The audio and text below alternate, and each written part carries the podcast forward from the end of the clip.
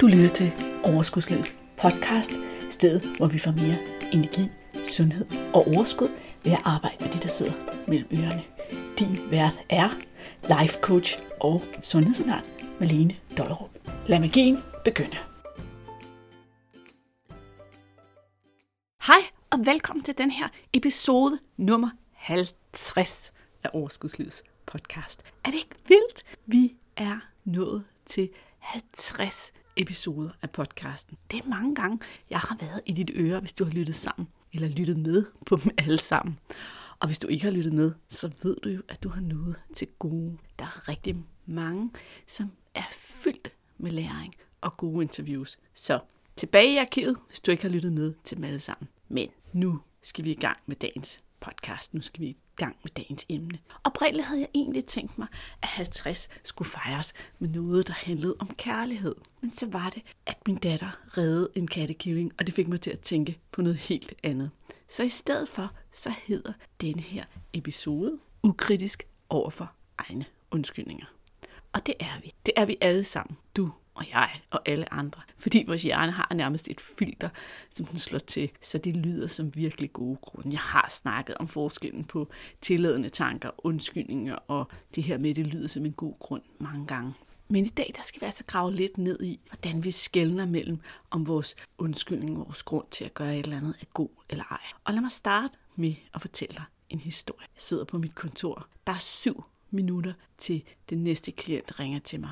Jeg skal lige nu og finde noterne frem og gøre mig klar. Og så ringer telefonen. Det er min datter, Silje. Hun er 13 år.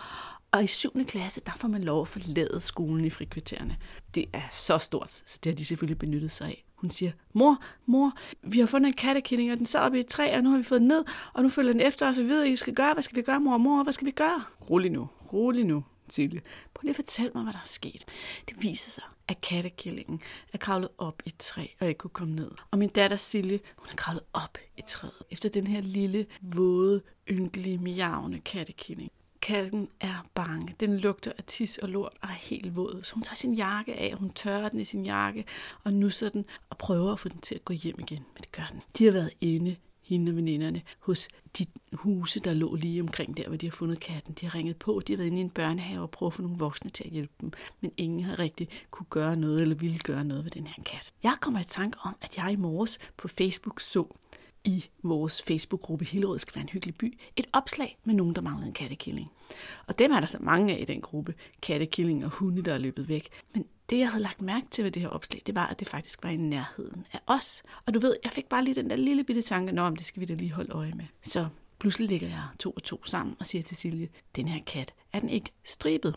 Og med den teenagehjerne pigen nu engang har, så siger hun, mor, den har stribet ben. Ja, men er den stribet? Og sådan så lidt hvid foran. Ja, men er den stribet? Øhm, ja, på sådan en brun måde. Her der opgiver jeg så ligesom at få et seriøst svar om katten er stribet.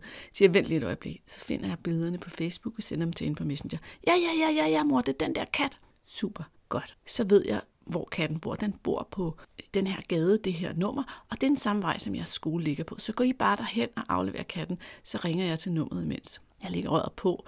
Nu er der fire minutter til, at min coachingklient ringer til mig og ringer til nummeret. Nummeret tilhører en dame, som er på arbejde, men hendes datter er hjemme. Så hun begynder at forklare og snakke og bla bla bla, og jeg er slet, ja, undskyld, jeg har en kunde om to minutter. Jeg sender nummeret på min datter, så du er velkommen til at ringe, og så kan I nok ordne det. Så hun ringer til, resten bliver klaret. Lad mig bare sige det sådan, at kattekillingen bliver afleveret i gode, trygge hænder. Det viser sig, at den har siddet op i det der træ hele natten og været blevet regnet på og været bange og kold og våd. Så hun og hendes veninder kan jo sige at være dagens helte. Og det her, den her heltegærning, den gjorde jo også, at de kom for sent tilbage til skolen. Så min datter synes altså, at hun havde en rimelig god og fornuftig grund til at komme for sent tilbage til skolen. Det er jo stadigvæk en undskyldning. Undskyld, jeg kommer for sent. Der sad en kat i træet, den var våd og kold og havde siddet der i mere end 12 timer. Nogen skulle redde den. Det, der er så fint ved den her historie, synes jeg, det er, at det er jo et eksempel på, hvor de fleste af os kan blive enige om, at det her, det er faktisk en okay undskyldning for at komme for sent i skole. Nu kommer der en undskyldning mere. Der kommer simpelthen en anden historie. Og jeg kunne finde 100 undskyldende historier fra mine børn, for teenagebørn er rigtig gode til det med undskyldninger. Men jeg tror bare, jeg hænger den her kanage op på mig selv og fortæller en af mine egne historier det er jo sådan, at ud over mit job, eller hvad man kan sige, min virksomhed med at coache, lave madplaner, alt det her, jeg nu laver i min virksomhed, og som faktisk er et fuldtidsjob nu, så har jeg et lille job ved siden af på byens ungdomsskole, hvor jeg hjælper de unge mennesker med at lave nogle sjove, alkoholfri, dejlige fester. Det er et job, jeg er rigtig glad for, fordi jeg synes, det er god energi i at være sammen med de her unge mennesker og være med til at udvikle dem og udfordre deres krøllede teenagehjerner. Så her i fredags, der var der fest nede på byens ungdomsskole. Og jeg skulle være der allerede kl. 3, fordi vi skulle stille en masse ting op til den her fest. Og jeg er hjemme cirka midnat kl. midnat eller 1 om fredagen, når vi holder fest. Så jeg havde vidst, jeg vidste godt, jeg vidste på forhånd, at menuen var pizza. Jeg vidste, at jeg ikke rigtig gad at spise pizza, for hvis jeg spiser mig mere det pizza, så får jeg det ikke særlig godt. Så det er ikke bare det her med, at det ikke er sundt, det er også det her med, at det egentlig ikke gør mig særlig godt tilpas. Alligevel lykkedes det mig at komme ud af døren hjemmefra, uden det, som jeg havde planlagt som alternativ. Så da vi skal spise klokken halv seks, beslutter jeg mig for alligevel at tage noget pizza. Så der, der er faktisk også lidt salat, men det er sådan noget meget grøn salat, du ved, spinatblad og tomater, så det er ikke noget, jeg rigtig kan holde mig midt på hele aften. Så tager et stykke pizza og en masse salat og sidder og spiser det, men jeg bliver samtidig forstyrret af både de unge mennesker, fordi jeg skal op og præsentere for det øvrige personale, hvad der skal ske til den her fest, og noget med opgaver og sådan noget. Så da jeg har spist det her stykke, så føler jeg for det første, at jeg har slugt det, og for det andet, så tænker jeg sådan med min meget logiske hjerne, nej, nej, nej, altså, jeg skal, jeg skal kunne holde hele aftenen oven på den her uge, hvor jeg har arbejdet helt vildt meget. Jeg tror, jeg er nødt til at spise et stykke til. Så jeg gik op, og så tog jeg et stykke til, og spiste et stykke pizza til. Stykke pizza, det fortrød jeg faktisk resten af aftenen, fordi jeg var egentlig ikke sulten til det. Så jeg gik egentlig rundt og følte mig sådan lidt overmæt og utilpas, fordi jeg bliver utilpas af at spise for meget pizza resten af aftenen. Og min undskyldning havde jo været, at jeg skulle kunne holde mig vågen og i gang og have energi nok til resten af dagen. Så det er et eksempel på en historie, jeg vil kalde, her faldt jeg i i forhold til min egne undskyldning. Her skulle jeg have været mere kritisk over for min egne undskyldning. Jeg har også taget den her historie med til dig i dag, for at vise, at selvom jeg arbejder med det her, og selvom jeg har arbejdet med at udvikle min hjerne og opdage alle de her ting og handle anderledes, så er det jo ikke sådan, at jeg altid er perfekt. Jeg bliver aldrig perfekt. Ingen af os bliver nogensinde perfekte. Vi gør det bedste, vi kan. Vi kan bare flytte os fra at falde i hver eneste gang, til at have en langt bedre strategi, så det kun sker med større mellemrum. Problemet er ofte, når vi kommer med de her sådan, historier og undskyldning over for os selv, for om vi skal gøre noget eller ej. Gøre noget, som egentlig ikke var planen. Det er, at vi lyver for os selv. Vi lyver for os selv. Vi opfinder de tilladende tanker, og vi slår filteret fra. Vi slår filteret fra, fordi når først hjernen har fået en tilladende tanke, så føles det godt. Det er lettere på ubehaget ved at skulle gøre anderledes, og så kan vi handle. Så det handler altså i bund og grund om at blive mere kritisk over for vores egne tilladende tanker eller vores egne undskyldninger. Og det er ikke altid, fordi det er nemt. Jeg startede med at fortælle dig to historier, hvor jeg synes i min optik, at de var meget sort-hvid. Ja, i den første historie skulle hun selvfølgelig følge sine instinkter og komme for sent i skole, selvom at planen var, at hun skulle komme for sent i skole. Nej, i den anden historie skulle jeg ikke følge min undskyldning for at spise mere pizza. Jeg skulle have stoppet ved det første stykke og spurgt mig selv, hvad er det værste, der kan ske? For det værste, der kunne ske, var jo, at jeg blev sulten. Og så var der jo et sådan, at der er jo frugt og grønt hele aftenen til den her fest. Eller jeg kunne være sulten. Selvom det selvfølgelig er sværere at være sulten, når du er træt. Og jeg vidste jo, at jeg var startet med at arbejde kl. 8 om morgenen, og jeg skulle arbejde til kl. 23.30 om aftenen, så selvfølgelig er jeg mere træt og kører på reserverne, men alligevel. Ikke? Jeg kunne spise nogle vindruer. Okay, tilbage til det her. Tilbage til det her med, at undskyldninger ikke er sort og hvide, og det ikke altid er nemt at finde ud af, hvad man skal gøre. I den her podcast, der vil jeg vinkle det her med undskyldningerne rundt omkring mad. Fordi jeg ved, at rigtig mange af os, vi har nogle udfordringer i forhold til for eksempel at lade de søde sager være, eller at styre vores portionsstørrelser, når vi spiser. Men i virkeligheden så gælder det her, de her teorier og de her tanker for alle de mål, du kunne forestille dig at have for din sundhed og for alle mulige andre former for mål. Så det kan, det kan være, at du har et mål om ikke at spise sukker. Det kan være, at du har et mål om at spise nydelsesmad maks tre gange om ugen eller to. Være, at du har et mål om at spise flere grøntsager, få mere søvn, få gået nogle ture, få løbet, få trænet. Det er egentlig ikke så vigtigt. Det er den samme mekanisme alle steder, at vi sætter os et mål, vi beslutter aktivt, at det er det, vi vil, og når vi så står i situationen, så giver vi efter for vores egne undskyldninger og giver slip på vores mål. Nu vil jeg fortælle dig to korte historier, så du lige kan bruge tiden til at reflektere over, hvad vil du vælge i den her situation? Hvor synes du, grænsen går? For nogle år siden, der blev min datter indlagt på hospitalet. Det var en mandag morgen, og hun havde vældig ondt i hovedet, og pludselig begyndte hun at få sådan noget synsforstyrrelser. Så jeg kørte til lægen med hende inden skolen. Lægen sendte os videre til hospitalet. På hospitalet kom vi ind på børneafdelingen. Inden på børneafdelingen skulle vi først sidde i et venteværelse i nogle timer, og så blev vi indskrevet, og så begyndte vi ellers at blive sendt rundt og rundt og rundt på det her hospital, fordi de skulle finde ud af, hvad der var med hende, og de her synsforstyrrelser og hovedpine og alt det der, der foregik. Sagen var, at det her, det sådan set tog hele dagen. Vi vidste jo ikke, da vi kørte ned til vores egen læge mandag morgen, at vi ville blive indlagt på hospitalet. Jeg troede, vi skulle snakke med lægen i 20 minutter, så skulle vi tilbage igen og finde ud af, om hun skulle blive hjemme, eller hvad der skulle ske.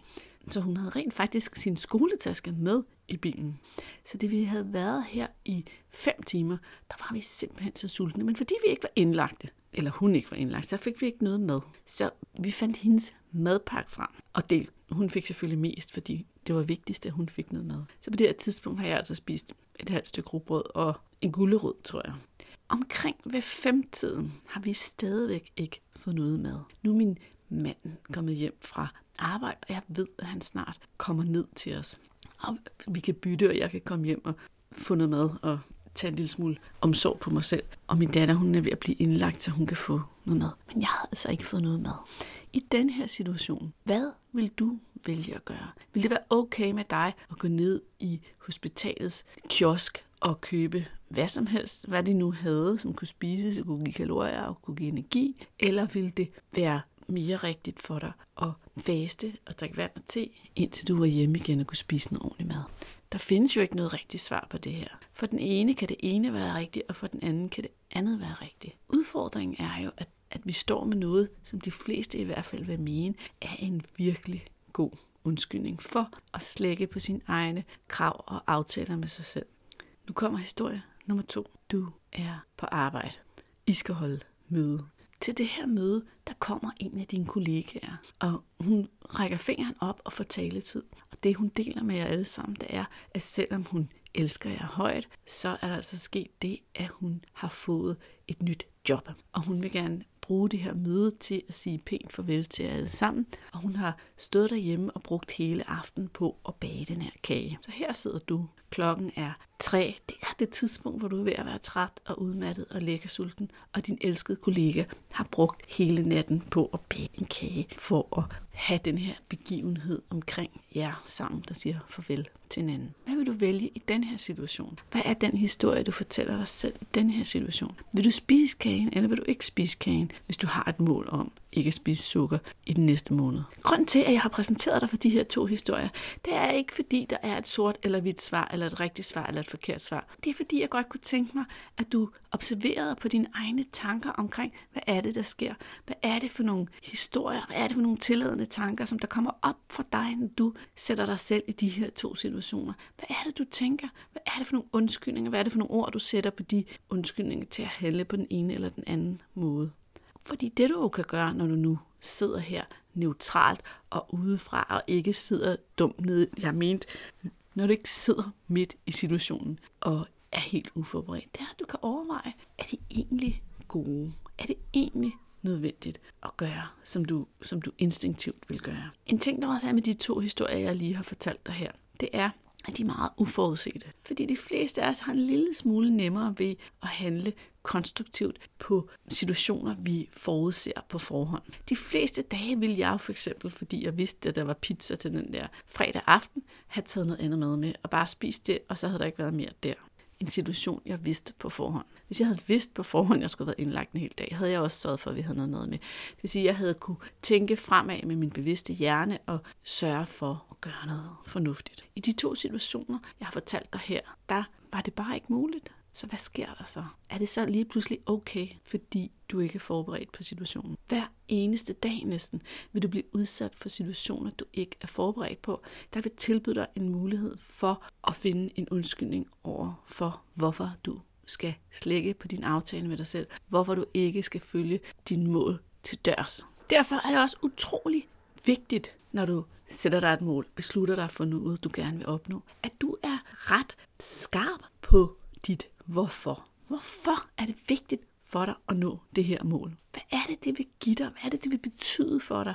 Hvad er det for en fremtid, det tilbyder dig at nå det her mål? Hvad er det for et udbytte, du får ud af det? Og det her, det må du gerne genbesøge med jævne mellemrum. Fordi hvis du ikke er skarp på det, hvis du ikke ønsker det rigtig meget, så vil det være noget, du synes, du skal gøre, og alligevel så gør du det ikke, og så vil det i virkeligheden være en kilde til frustration og ubehag og negative tanker, som i virkeligheden kan køre i en rigtig selvforstærkende spiral, der gør, at du får det dårligere, end hvis du ikke havde målet, om så må sige. Så tip nummer et, jeg vil sige, det er, vær skarp på dit hvorfor. Hvad er det, du vil med det her mål? Hvorfor er det, det er så vigtigt for dig? Hvad er det, du gerne vil opnå? Og hvad er det, du gerne vil undgå? For mål kan selvfølgelig også være helt eller delvist motiveret af at noget, vi gerne vil væk fra. Det vil gerne undgå, at jeg tager mere på. Kunne være et mål sig selv. Jeg vil gerne kunne beholde det tøj, jeg har nu. Den anden ting, jeg vil sige, og det her, det gør jeg rigtig tit med mine klienter. Så nu er du advaret, hvis du nogensinde kommer til at snakke med mig.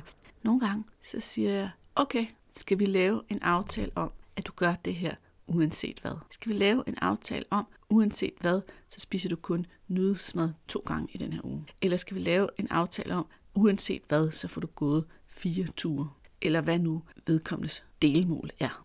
Det, der sker, når jeg siger uanset hvad, det er, jeg mener uanset hvad. Jeg mener uanset om du er på hospitalet med din datter og ikke får noget at spise. Hvis du har spist din to gange nydelsesmad, så spiser du ikke mere nydelsesmad. Så må du gå ned og se, om der er noget frugt, eller du må faste. Jeg mener, uanset om du kommer hjem kl.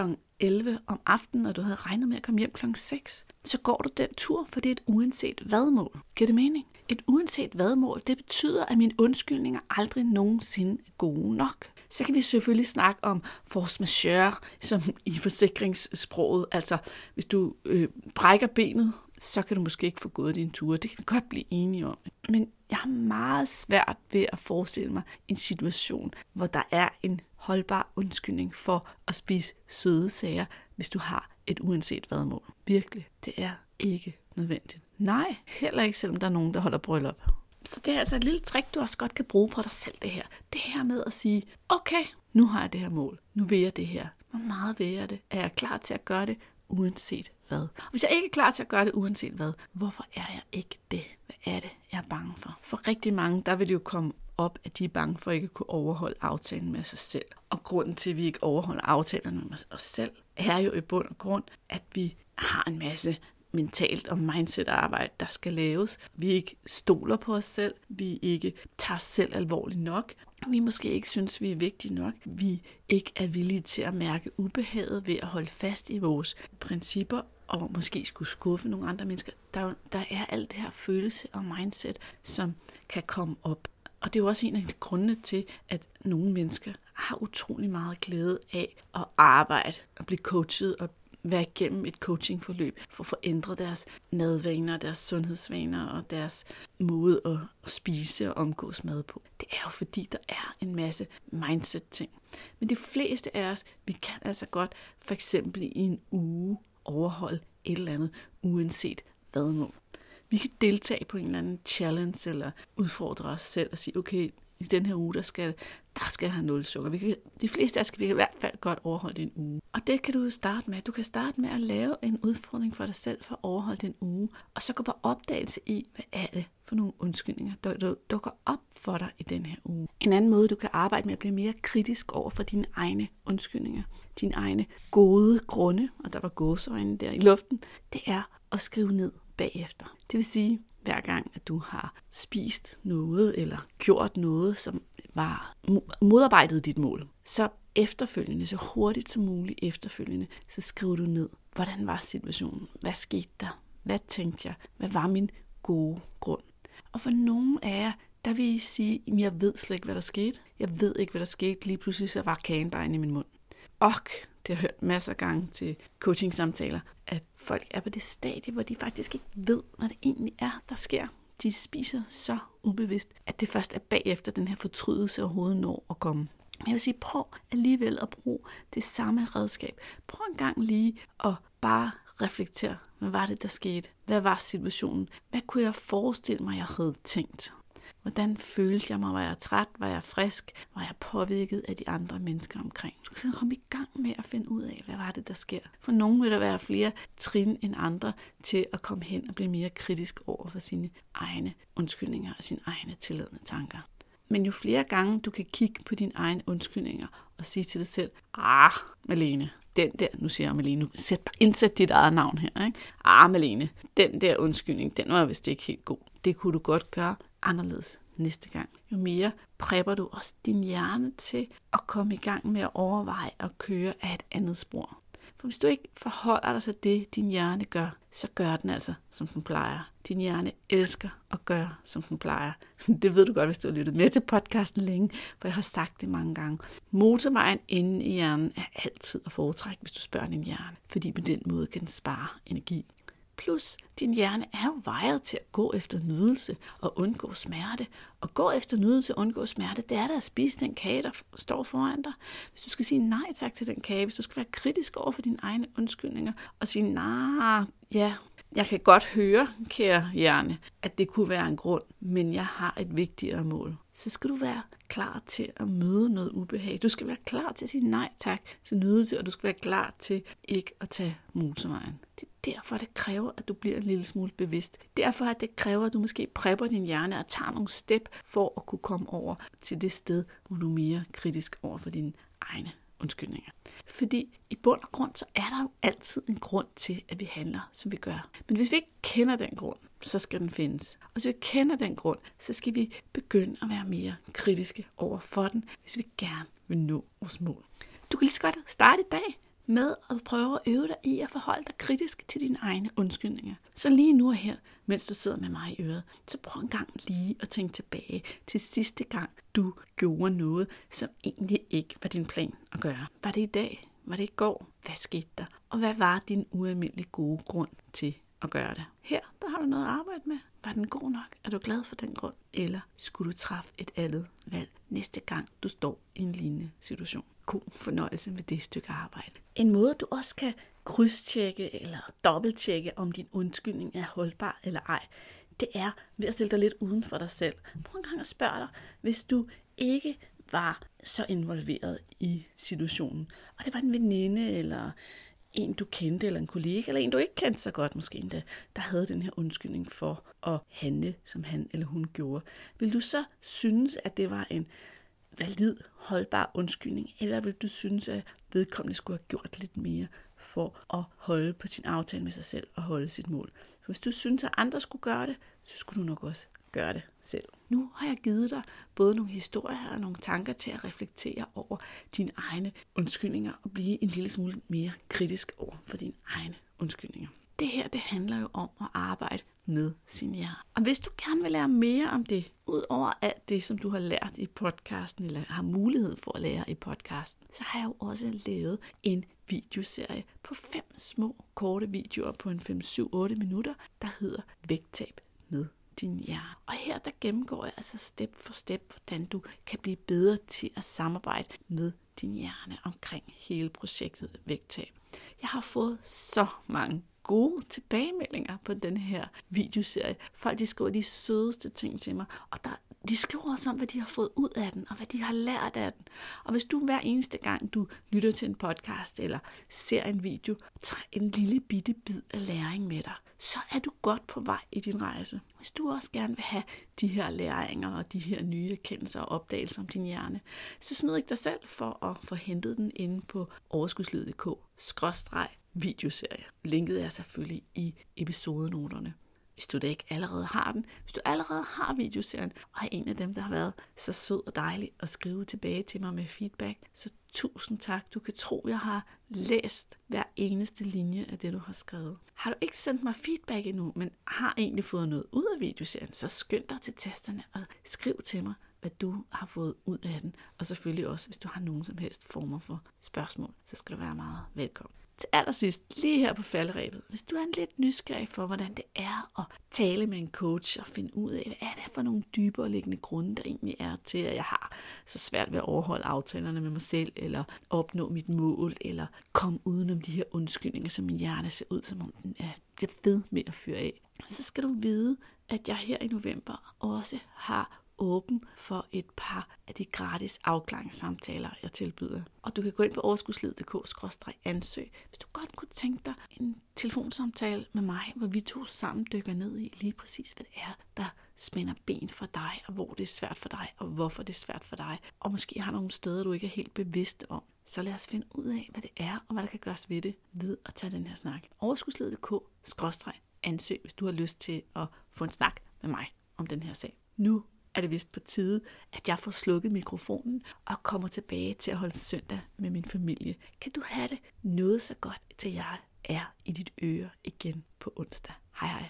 Hey, inden du løber, glem ikke at abonnere på podcasten, så du ikke går glip af en eneste episode. Og skulle du have fingre i den gratis videotræningsserie Vægtab med din hjerne, så smut ind på overskudslivet.dk videoserie, så lander den første video i din indbakke i dag.